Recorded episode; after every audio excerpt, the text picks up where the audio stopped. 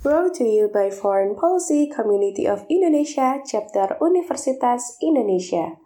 The South Korean election held in March of 2022 has resulted in Moon Jae-in, the former South Korea's president, passing the baton of presidency to Yoon Suk-yeol, the conservative candidate of the People Power Party.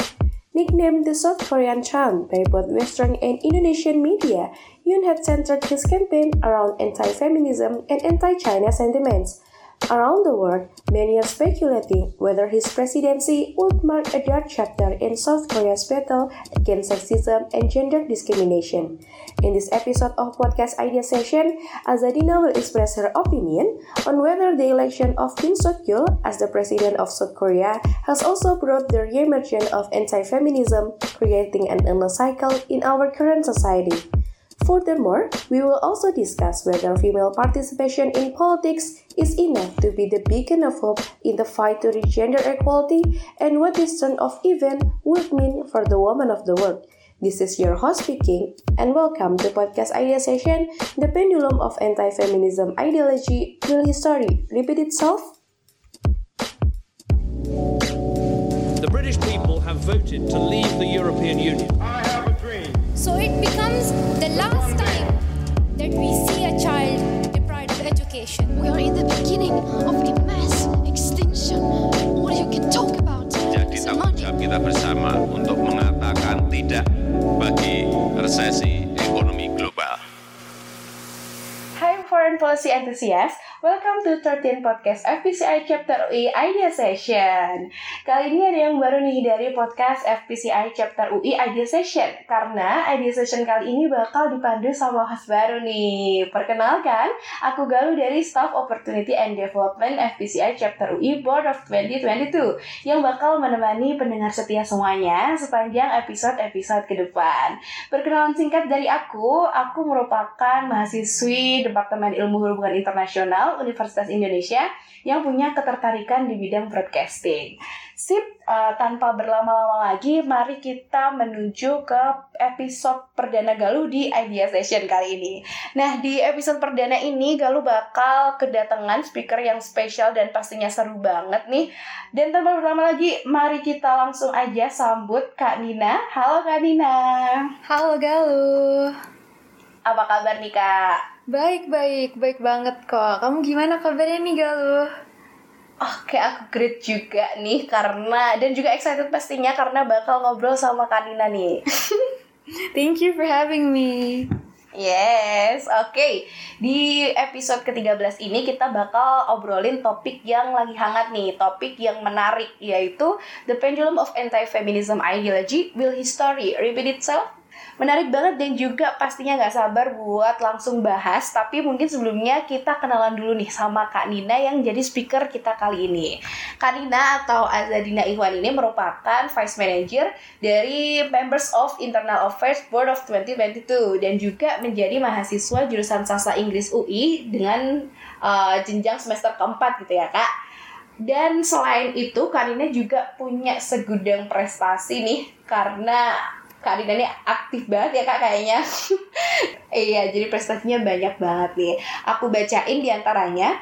Uh, yang pertama nih di tahun 2022 ini menjadi representatif for FIB UI on bedah kampus Tosaka ke-18 kemudian jadi third in cultural sharing sebagai representatif UI dan representatif UI dan Indonesia di AUA Youth Forum 2022 kemudian content writer dan juga co-founder untuk NGO Youth for Youth dan juga content writer rangkul ragam.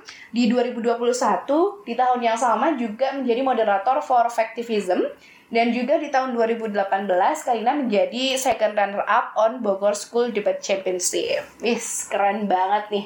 Punya segudang prestasi tapi tetap humble gitu ya Kak. Karena nanti dari pembahasan pembahasan atau obrolan kita nanti pasti bakal bisa kelihatan seberapa asiknya Kak Nina nih. Aduh, bisa aja deh Galuh. Oke, mungkin sekarang kita langsung beralih ke topik hari ini ya. Um, sebelumnya nih kak, aku penasaran nih sambil mewakili pendengar idea session semua nih mungkin dari judul yang menarik ini kira-kira urgensinya nih apa sih kak? Kenapa kok kita harus mengomongkan atau ngobrolin the pendulum of anti-feminism ideology ini? Kenapa nih kak? That's a really great question. Thank you banget nih Galo untuk pembukaannya. Jadi aku hari ini bakal bahas nih tentang seperti judulnya tadi nih anti-feminist ideology kan ya.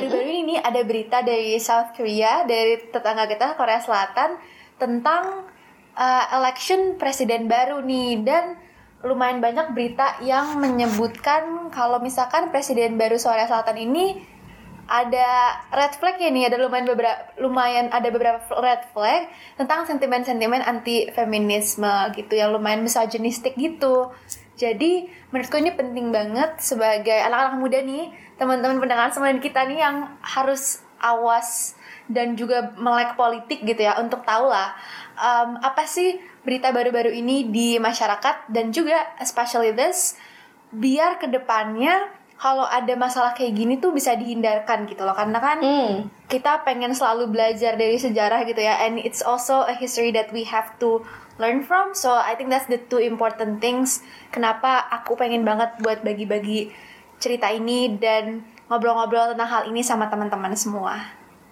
Oke, iya bener banget. Mungkin menyambung dari perkataannya Karina tadi sebagai uh, anak muda kita perlu banget buat melek politik dan juga isu-isu kayak gini ya kak. Uh, mungkin langsung aja nih karena aku juga masih awam tentang isu ini, mungkin Karina bisa jelasin sedikit dulu tentang uh, terpilihnya Yuni sebagai presiden yang memunculkan kembali isu anti feminism. Kayak gimana nih kak? Boleh banget, thank you, thank you. Jadi uh, rangkuman sedikit kali ya tentang Mm-mm. election kemarin. Jadi Maret kemarin ini nih baru banget ya, belum nyampe sebulan kayaknya. South Korea baru aja nge-elect presiden yang baru nih menggantikan presiden yang kayaknya kita udah lumayan kenal ya atau lumayan akrab walaupun tetanggaan doang gitu. Iya. Presiden Moon Jae-in dia baru aja tergantikan gitu sama uh, presiden baru namanya Yoon Suk Yeol.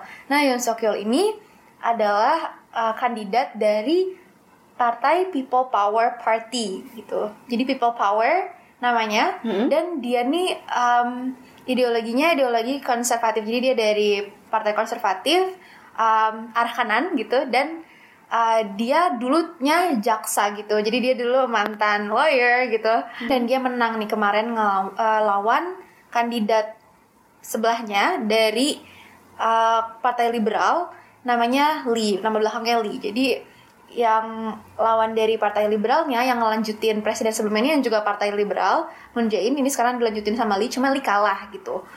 Tipis banget bedanya. Hasilnya itu kayak kurang dari satu persen lah perbedaannya antara kedua kandidat ini gitu.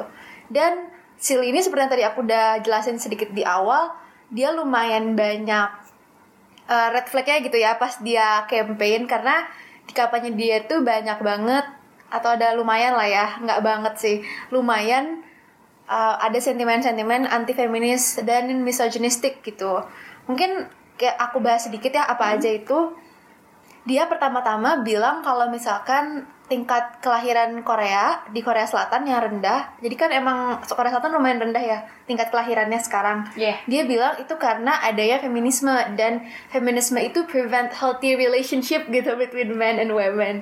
Nah, sebenarnya kalau misalkan dilihat ini sih hmm, rada membingungkan gitu ya karena satu feminisme menurutku pribadi itu nggak prevent healthy relationship dan juga ini harusnya bukan jadi masalahnya feminis gitu loh. Kalau misalkan uh, perempuan mau memilih untuk punya anak ataupun tidak ataupun itu mau melahirkan ataupun tidak itu haknya kembali ke perempuan ya kan ya cuman di sini masalah yang disebut Yun yaitu low birth rate itu sebenarnya nggak bisa dikategorikan sebagai masalah feminis gitu. Karena kalau dilihat dari sejarahnya South Korea sebenarnya itu masalah lebih ke economic instability and also youth unemployment gitu. Jadi masalah itu sebenarnya bukan di bagian gara-gara feminis gitu. Jadi ini disebut salah satu hal yang red flag gitu. Dan yang kedua uh, Yun juga ngomong tentang feminisme seperti ini. Dia bilang out with men haters gitu jadi dia bilang dadah uh, gak mau deh ada uh, orang yang benci laki-laki. Dan di sini aja kita udah bisa melihat sebagai penyalahartian definisi feminisme gitu. Jadi kalau misalkan aku bisa definisin terlebih dahulu kalau aku boleh minjem pengertian dari salah satu uh, black women yang juga feminis namanya Chimamanda Ngozi Adichie dia tuh mendefinisikan feminisme sebagai uh, paham di mana uh, orang percaya bahwa harus ada kesetaraan gender di aspek sosial, aspek ekonomi dan juga aspek politik gitu. Jadi bisa dilihat kan ya di sini nggak sama sekali nggak ada hubungannya sama man haters ataupun one gender being above the other gitu. Kalau misalkan itu definisinya akan jadi pengertian yang beda lagi gitu, akan jadi hal yang beda. Jadi misandry atau misogyny gitu di mana satu gender lebih tinggi daripada lainnya gitu. Jadi di sini aja udah ada red flag lagi karena definisi feminisme aja dianggap sesuatu yang buruk gitu. Jadi kayak demon eh, demonize gitu loh feminisme di sini. Dan eh, Yun juga punya plan kemarin di kampanyenya untuk menghapus eh, Kementerian Kesetaraan Gender dan Keluarga atau Ministry of Gender Equality and Family gitu. Dan ini sekali lagi adalah hal ketiga yang lumayan meresahkan ya untuk orang-orang yang mendengar kampanyenya ini gitu. Jadi pas dia menang nih banyak banget perempuan di South Korea dan juga perempuan di seluruh dunia dan juga orang-orang seluruh dunia ini nggak cuma perempuan aja yang lumayan khawatir sama masa depannya South Korea di bawah Yoon gitu. Oh, jadi terpilihnya Yun ini emang agak kontroversial gitu ya kak. Sebenarnya uh, dari beberapa hari yang lalu tuh aku juga nemu beberapa artikel yang bahas tentang Yun dan juga anti feminisnya ini. Tapi kan kalau misalnya kita lihat dari Korea Selatan ya kak, uh, sebagai negara yang nggak bisa dikatakan uh, terbelakang gitu, bahkan mungkin berkembang dan juga menuju ke negara maju gitu ya. Nggak mungkin kalau misalnya isu-isu sosial kayak gini, apalagi ini uh, bisa dikatakan isu yang penting kan karena terkait kesetaraan gender gitu ya kak. Uh, aku jadi penasaran kenapa orang-orang milih Yun yang sebenarnya mungkin mereka udah pada tahu bahwa Yun ini adalah seorang yang anti feminisme. Oke, kalau misalkan orang-orang tahu nih ya Galuh Mm-mm. Yun anti feminisme atau bukan, sebelumnya nih belum pernah ada kasus sebesar ini gitu loh Hmm. tentang Yun dan anti feminisme. Iya. Karena uh, seperti yang tadi aku sentuh sedikit di awal, uh, dia is a devoted person to his country with his ideology gitu kan ya. Iya. Dan uh, baru di kampanye ini Yun menggunakan uh, ideologi anti feminis dan feminisme untuk uh, bahan politiknya gitu. Oh iya iya iya. Dan di sini sangat manjur karena situasi masyarakat di Korea Selatan itu sendiri. Jadi kalau aku bisa jelasin dari background ini ya, Korea Selatan itu sebenarnya walaupun maju banget di bidang ekonomi seperti yang kita tahu sekarang dan juga sangat maju di bidang budaya kayak yang kita udah tahu sebagai tet- negara tetangganya di Asia, eh, soal sosial nih dia nggak begitu maju gitu loh, masih rada konservatif gitu lah ya istilahnya. Jadi masih banyak banget sentimen-sentimen yang misoginistik dan juga paham-paham gender yang masih kesannya kolot lah ya kalau yang dilihat sama kita gitu. Karena di Korea Selatan itu sendiri uh, feminisme tuh baru melonjak sekitar tahun 90-an, 1990-an.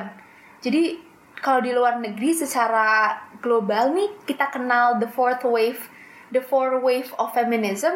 First wave yang di tahun 1800 ya udah lama banget tuh. Terus second wave di tahun 1960-an 70-an gitu. Terus third wave di tahun 90-an dan fourth wave yang kita alami sekarang kalau di Korea tuh gak bisa dikategorikan ikut sama empat wave ini gitu karena gejolak yang lumayan besar sampai ripple-nya kerasa di uh, tingkat global tuh sekitar tahun 1990-an gitu melonjak bangetnya menguatnya. Dan itu dimulai dengan pendirian Kementerian Kesetaraan Gender ini yang pengen dihapus sama Yun. Jadi lumayan ironis gitu ya Galuh.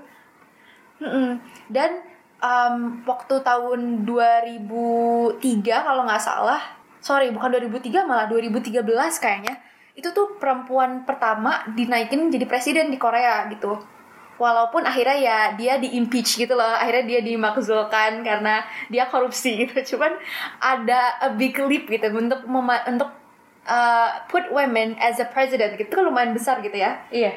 dan lumayan lama kan dari Indonesia aja udah hampir satu dekade yang lalu gitu dibandingin sama Korea gitu. Jadi kalau dibahas tentang paham-pahamnya South Korea masih lumayan konservatif gitu dan ideologi-ideologi konservatif ini adalah hal yang digunakan oleh Yoon untuk kampanyenya gitu. Jadi orang-orang uh, laki-laki di South Korea dan juga orang-orang Korea in general banyak banget yang masih menganggap kalau misalkan feminisme itu ya tadi man haters. Dan dilihatnya bukan sebagai sesuatu kata yang positif gitu. Jadi laki-laki pun di South Korea karena udah ada ini ya yang gerakan Me Too movement 2018 nih yang ada dari Amerika sampai mendunia sekarang Too movement tentang uh, solidarity against uh, sexual harassment itu kan terdengar juga ya sampai uh, sampai Korea Selatan. Cuman itu dibilangnya kalau misalkan laki-laki sebenarnya victim um, feminisme gitu. Jadi korban feminisme adalah laki-laki yang karenanya laki-laki tuh jadi dinilai jelek ataupun kayak kehilangan privilege-privilege yang mereka punya gitu. Karena sekarang perempuan malah dapet privilege gitu. Walaupun menurutku pribadi kalau misalkan kehilangan privilege itu ya berarti kamu seperti orang normal aja balik ke meritokrasi gitu loh. Kalau misalkan kamu kehilangan privilege kamu nggak bukan berarti kamu jadi korbannya gitu loh menurutku ya. Dan Iya. eh, orang-orang Korea tuh masih ada yang berpendapat sebaliknya gitu. Jadi masih lumayan banyak eh, sentimen-sentimen yang menganggap kalau misalkan perempuan yang memang sepantasnya eh, tidak setara dengan laki-laki eh, dalam eh, aspek hak-hak bidang ekonomi ataupun politik gitu ataupun sosial. Jadi itu kenapa eh, Yun dipilih ditambah lagi eh, lawannya nih yang dari Partai Liberal Lee itu sempat kena skandal korupsi gitu tentang real estate. Aku belum tahu apakah ini benar-benar 100% terbukti benar ataupun salah.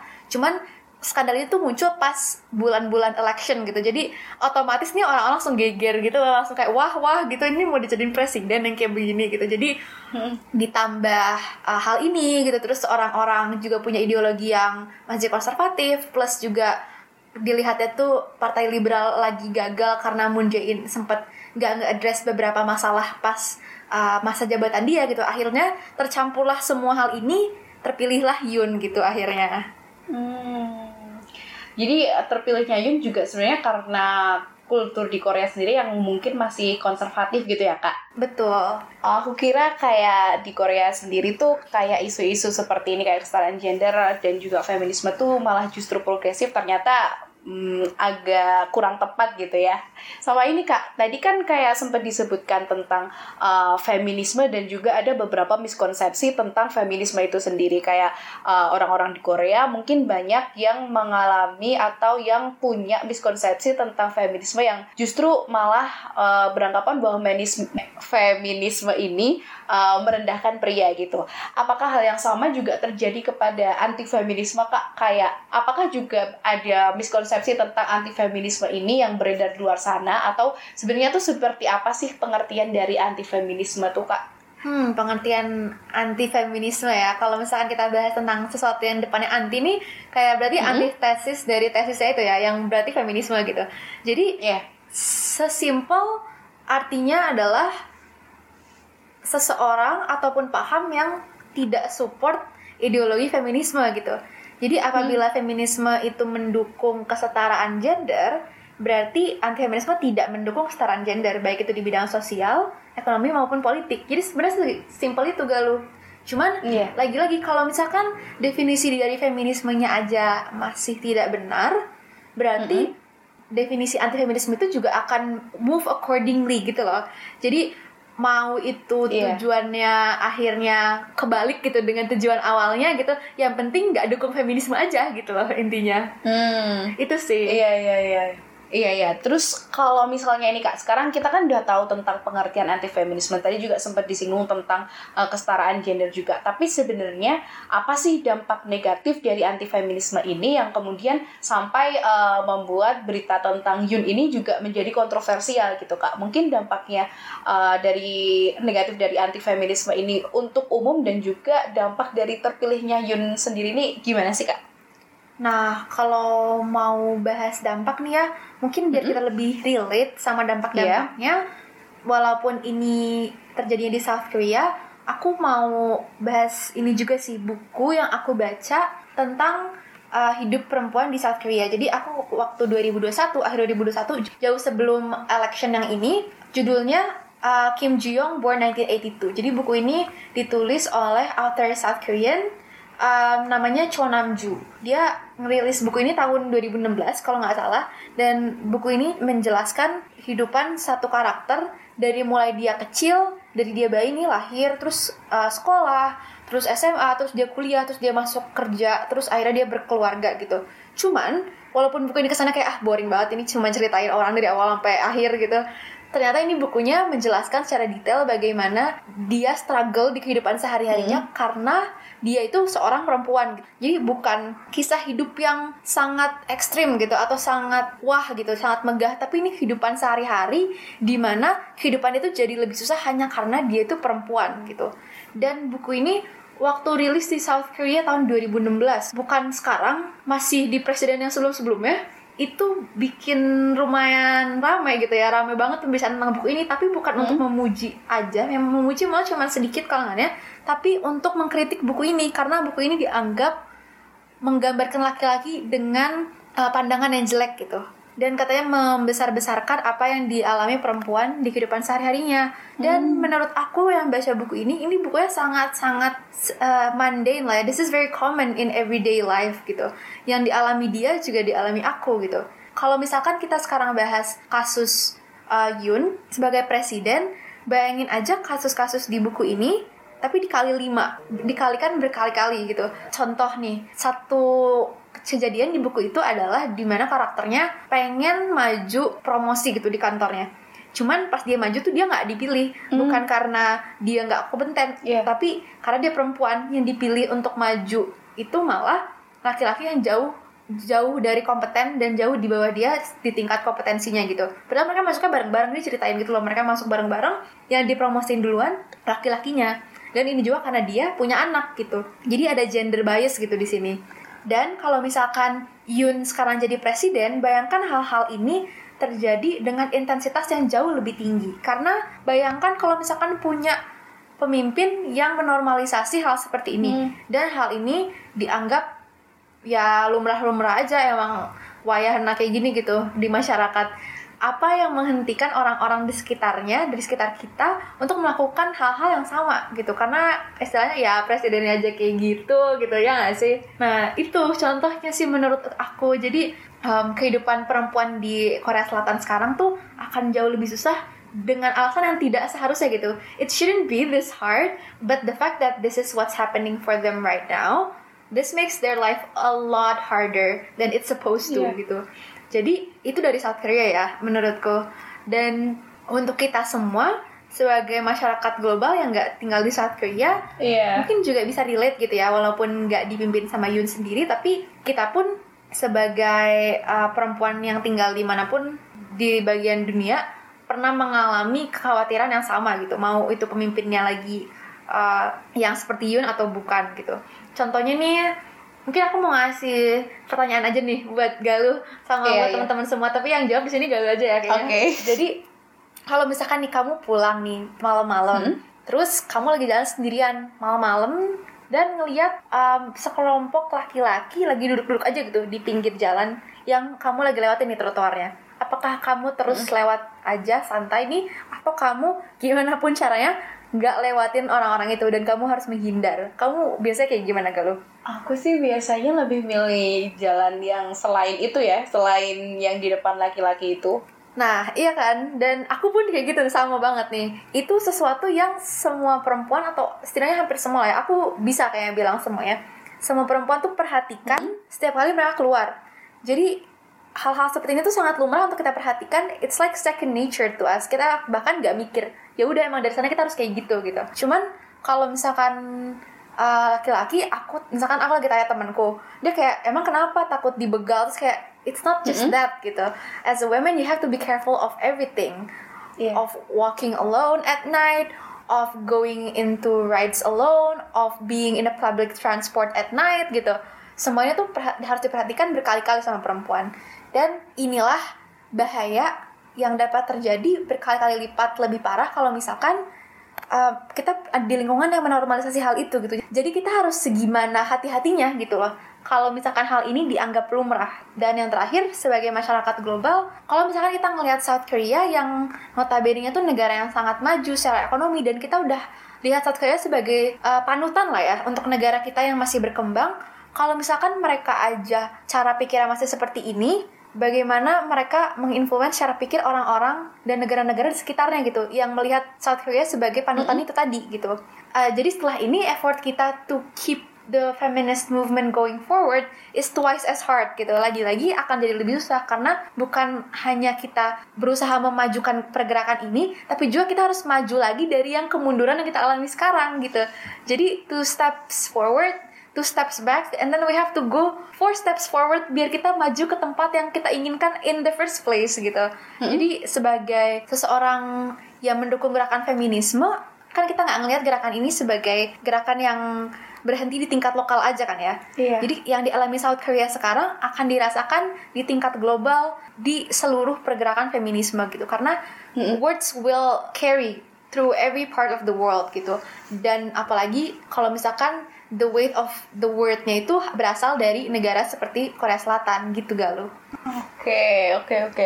Jadi adanya isu anti feminisme ini jadi bikin kayak kita sebagai perempuan yang pertama kayak harus dua kali lipat untuk menjaga diri kita atau juga berhati-hati gitu ya kak. Betul. Dan juga munculnya isu ini di South Korea ini juga bisa memicu negara lain yang mungkin memandang uh, South Korea ini sebagai negara panutan gitu juga mungkin bisa katakanlah bisa jadi kayak ikut-ikutan gitu. Jadinya pergerakan feminisme terhambat atau mungkin jadi jatuhnya nggak berkembang gitu kan kak. Iya. Oke, nah mengetahui dampak dari anti feminisme ini, dampak negatif utamanya, ini kan pasti nggak cuma terjadi di satu negara atau dua negara aja, pasti kayak seluruh dunia udah tahu tentang dampak negatif dari anti feminisme ini.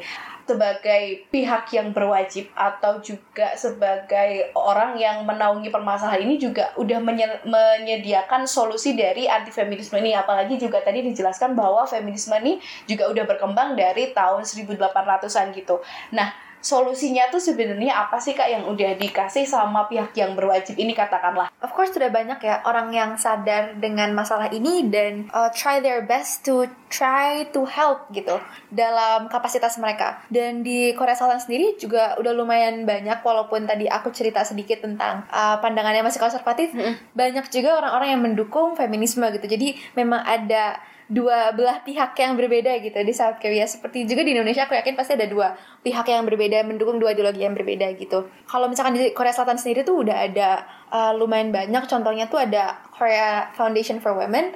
Dia tuh fokus ke empowerment uh, of socially and economically disadvantaged group of women. Jadi jadi perempuan yang tidak privilege secara ekonomi dan juga secara sosial gitu. Jadi yang masih discriminated against gitu dibantu banget sama Korea Foundation for Women. Dan juga ada lagi yang aku tahu tuh ada KWAU jadi mereka strive to achieve gender equality especially gitu dan juga demokrasi. Jadi ini udah lumayan lama KWAU membantu perempuannya dari sekitar 1987 jadi mereka among the first uh, ini ya the first NGO yang membantu even sebelum feminisme tuh lumayan membludak gitu loh interestnya di South Korea. Itu sih dua yang aku tahu kalau soal NGO Iya. dan di pemerintahan juga setauku sudah ada effort ya untuk membantu uh, progres gerakan feminisme ini. Contohnya di South Korea itu seperti uh, di beberapa negara lain juga udah mengimplementasikan 30% wanita di uh, politik gitu. Jadi kalau misalkan ada representasi wanita di politik itu ya ininya ya ada kuota 30% at least gitu.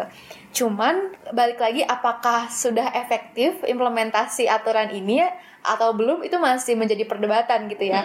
Dari aku sendiri pun lumayan dilema gitu karena kadang-kadang 30% ini ada di kuantitas tapi tidak ada di uh, kualitas di uh, implementasinya sehari-hari gitu. Apakah perempuan itu di treat well in their day-to-day life? Apakah mereka digunakan dengan baik ide-idenya dan juga perannya? Itu we're still unsure about that. Then there are still many instances where they prove that women are purely for like decoration, which is sebenarnya rada sedih gitu ya. Kalau misalkan sudah sejauh itu cuma dijadiin pajangan gitu loh ya, Iya. malah jadi objek gitu di pinggiran gitu, kan sedih gitu ya. Dan apakah 30% ini udah dipenuhi atau belum? Juga masih kadang dipertanyakan apakah 30% ini cuma aturan, terus penuh enggaknya lihat nanti itu juga masih diperdebatkan gitu. Dan apakah ini benefit the problem or actually fight the problem gitu.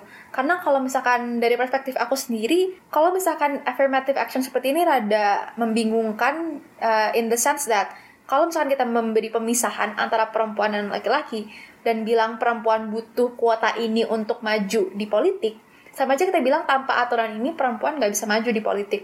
dan that's very wrong for me. Karena ini malah memperbesar jurang antara kemajuan dan kemunduran gitu. Dan bikin kita lebih ini aja sih lebih kayak ketergantungan sama hukum yang dibentuk oleh male dominated field gitu yang sekarang masih male dominated di sisi lain, aku juga mikir kalau misalkan gak ada 30% ini, perempuan apakah akan tetap dikasih tempat di politik kah? Itu juga belum tentu gitu ya. Karena kalau untuk maju di politik, ada beberapa sponsor atau supporter yang dibutuhkan dan kebanyakannya the supporter have the ideology dan juga punya requirements yang gak benefit women gitu. Jadi lagi-lagi apakah solusi-solusi yang diimplementasikan di pemerintahan sekarang sudah efektif atau belum? Menurut aku pribadi masih belum efektif gitu. Hmm, ya ya ya. Jadi kayak solusi yang diberikan juga akhirnya menjadi dilema gitu ya kak. Apakah ini kemudian menguntungkan atau merugikan? Atau mungkin bisa dibilangnya kayak solusinya ada plus minusnya gitu. Mungkin istilah itu tepat ya sih kak kalau misalnya kita kasihkan di solusi yang ditawarkan sama pemerintah saat ini. Benar, pasti banget ada plus minusnya ya. Cuman apakah lebih banyak plus atau minusnya itu masih case to case basis sih Galuh. Ah, iya iya. Iya iya iya iya benar benar. Nah karena tadi statementnya Kak Nina menurut Kak Nina uh, solusi yang ada ini kurang efektif gitu ya.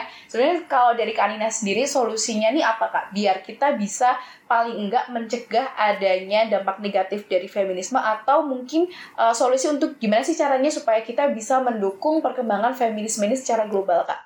Interesting. Oke, dari aku sendiri ya Galuh.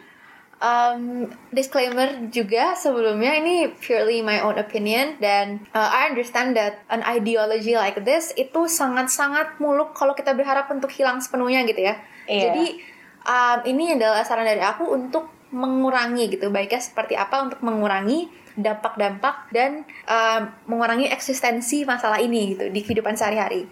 Menurutku kita harus menggali dan mengkaji dari akarnya dulu. Balik lagi to the very basic, to the very root of the problem, which is uh, peran patriarki di kehidupan sehari-hari. Jadi menurutku patriarki masih sangat signifikan perannya di kehidupan sehari-hari gitu. Kalau misalkan aku bilang hapus patriarki, kayaknya rada muluk gitu ya.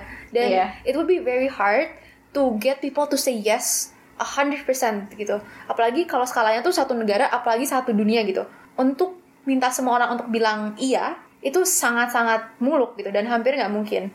Jadi aku lebih prefer untuk bilang let's lessen the amount of importance patriarchy has on our society right now, especially di bidang-bidang dan instance di mana kita harus mengambil keputusan yang sangat penting untuk negara kayak bidang politik, ekonomi gitu dan juga budaya gitu. Sebaiknya peran patriarki itu dikurangi gitu. Contohnya kayak yang tadi uh, dari buku yang aku bilang tadi Kim Joo Young Born 1982 kita hapuskan gender bias dalam pilih orang buat promosi gitu ya. Kalau misalkan mau dinaik pangkatin gitu, let's not think about if they're a woman or a man gitu. It's very hard to not think about that karena um, seperti hal-hal lainnya ideologi itu sangat um, ini ya sangat mengakar di uh, dalam diri seseorang. Jadi we can do our best to try to be conscious about our action and our decision that involves thinking subconsciously gitu. Kalau misalkan kita masih bersikap seperti ini dan masih sangat menggunakan patriarki gitu di keputusan sehari-hari,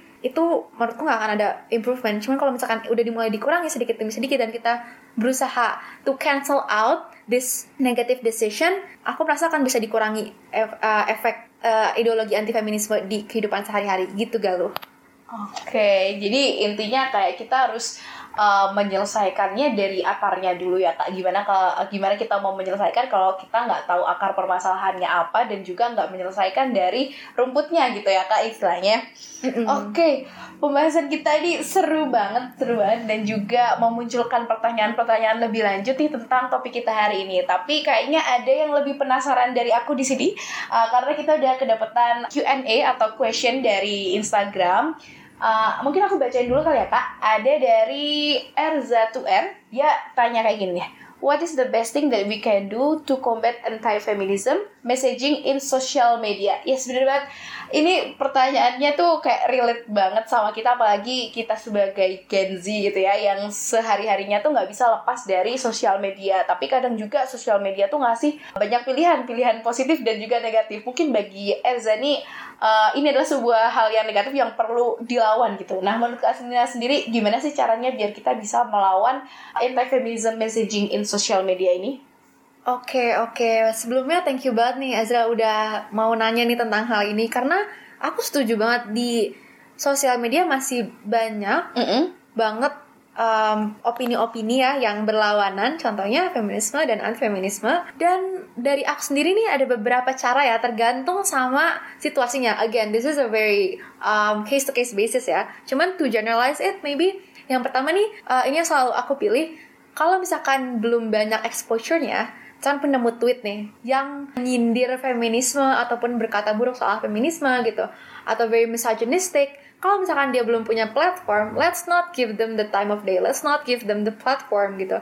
Kalau mereka mau ngomong ngomongnya sendiri gitu. Balik tembok tuh. Gak usah ngomong ke orang banyak gitu.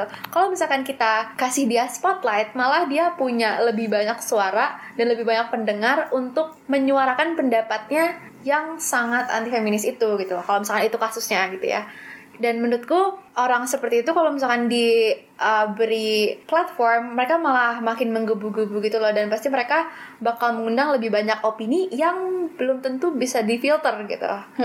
Cuman kalau misalkan udah kepalang nih ya dia udah lumayan dilihat orang banyak nih opininya dan udah punya exposure lah tentang opininya itu uh, I think what we have to do is to be smart about it. We have to be critical about it. Walaupun memang sewajarnya gitu. Kita pengen marah gitu ya rasanya. Kalau ngelihat opini seperti itu gitu. Dan kita pengennya nge-attack dia balik gitu. Atas opini dia. Cuman kalau misalkan we attack as a defense. Bukannya defend as a defense gitu. Malah mereka yang bakal nyerang kita balik. Dan akhirnya kita bakal serang-serangan doang nih. Dan kita nggak akan pernah address masalahnya. Malah kita address hal yang personal untuk kita berdua gitu. Berdua maksudnya aku yang ceritanya merespon dan dia yang ceritanya memberi opini itu kan ya. Jadi kalau misalkan kita cuman serang-serangan then the real problem is never addressed dan it's unproductive to have that conversation. Jadi menurutku tetap walaupun kita pengen marah gitu ya kayak apaan sih nih orang bisa-bisanya bi- mikir kayak gini it's very important for us to stay cool headed dan kita actually give them the facts dan the statistics and the data that can actually show that okay what you say is wrong because of this gitu lah. Jadi kayak argumen kita tuh juga harus appealing gitu. Walaupun pada akhirnya mungkin dia nggak akan berubah pikirannya karena ideologi sekali lagi adalah sesuatu yang sangat mengakar gitu. Iya. cuman setidaknya we don't look stupid doing it gitu Iya iya iya benar kak. kak. Istilahnya kak kita harus cerdas dalam bersosial media gitu ya kak. Kayak campaign-campaignnya pemerintah sekarang kan kita harus bijak dalam bersosial media gitu. Terus Benar. kalau misalnya kalau misal aku ambil dari kata-katanya Mbak Nana, Mbak Najwa Shihab gitu ya biar lebih akrab.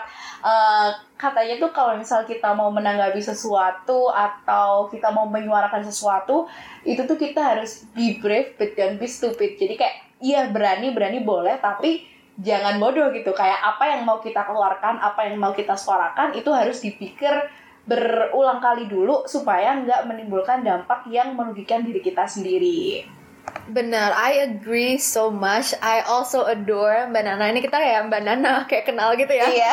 Gak ya, maaf banget nih Mbak Nana. Semoga suatu hari bisa ketemu nih gitu.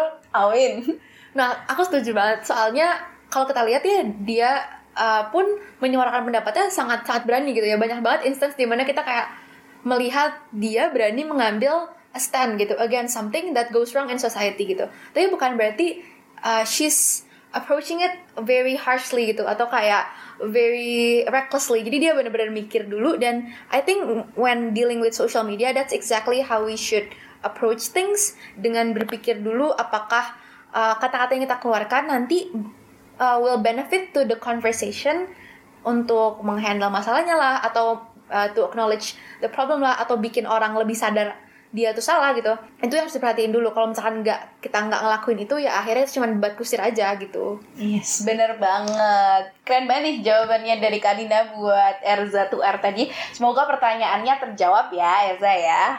Oke, keren banget percakapan kita hari ini. Sangat insightful dan juga menambah wawasan banget pastinya. Apalagi buat pendengar IG Session yang punya ketertarikan di bidang gender and specifically di bidang feminisme ya. Nah, mungkin aku resume dikit nih supaya kita juga bisa mengingat kembali apa aja sih yang udah kita obrolin tadi.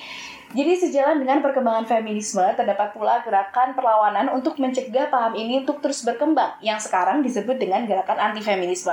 Pengangkatan Yoon Suk Yeol adalah satu dari banyak bukti yang menunjukkan bahwa sentimen anti-feminisme masih hidup dan marak adanya di tengah masyarakat modern. Pada akhirnya, satu-satunya cara untuk mencapai kesetaraan gender jangka panjang ialah dengan menggali ke akar masalahnya, yaitu mengurangi andil sistem patriarki dalam pengambilan keputusan di masyarakat. Selama sistem patriarki masih dijunjung baik di ranah politik, ekonomi, sosial, maupun yang lainnya, usaha untuk mencapai kesetaraan gender ini akan terus diikuti oleh perlawanan dari anti-feminisme. Sip, itu tadi adalah kesimpulan atau resume dari percakapan kita kali ini. Nah, mungkin eh, teman-teman sama kayak aku nih setelah ngobrol sama Kak Nina jadi semakin penasaran akan isu ini gitu ya. Nah buat teman-teman yang penasaran lebih lanjut tentang topik yang kita bahas hari ini, karena topiknya lagi hangat-hangatnya kan, mungkin Kak Nina bisa kasih food reading buat para pendengar yang mau tahu lebih lanjut tentang topik ini nih Kak.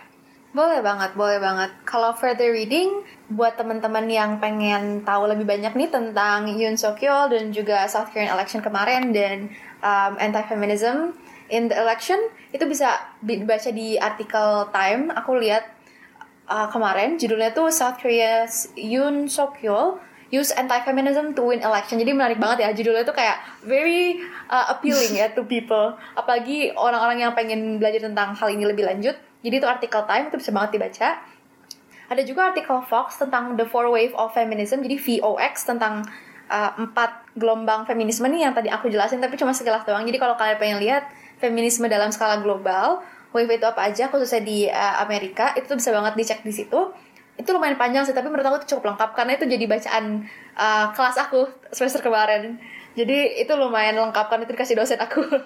Terus yang terakhir aku sangat sangat sangat recommend buat teman-teman semua baca uh, Kim Ji Young for 1982 it's very suitable for any gender women men non-binary gender fluid apa pun kalian gendernya kalau misalkan kalian tertarik lebih lanjut bahas tentang gender discrimination atau misalkan tentang feminism itu boleh banget uh, cek buku itu karena bukunya sangat ringan, tipis, sekitar 200 halaman.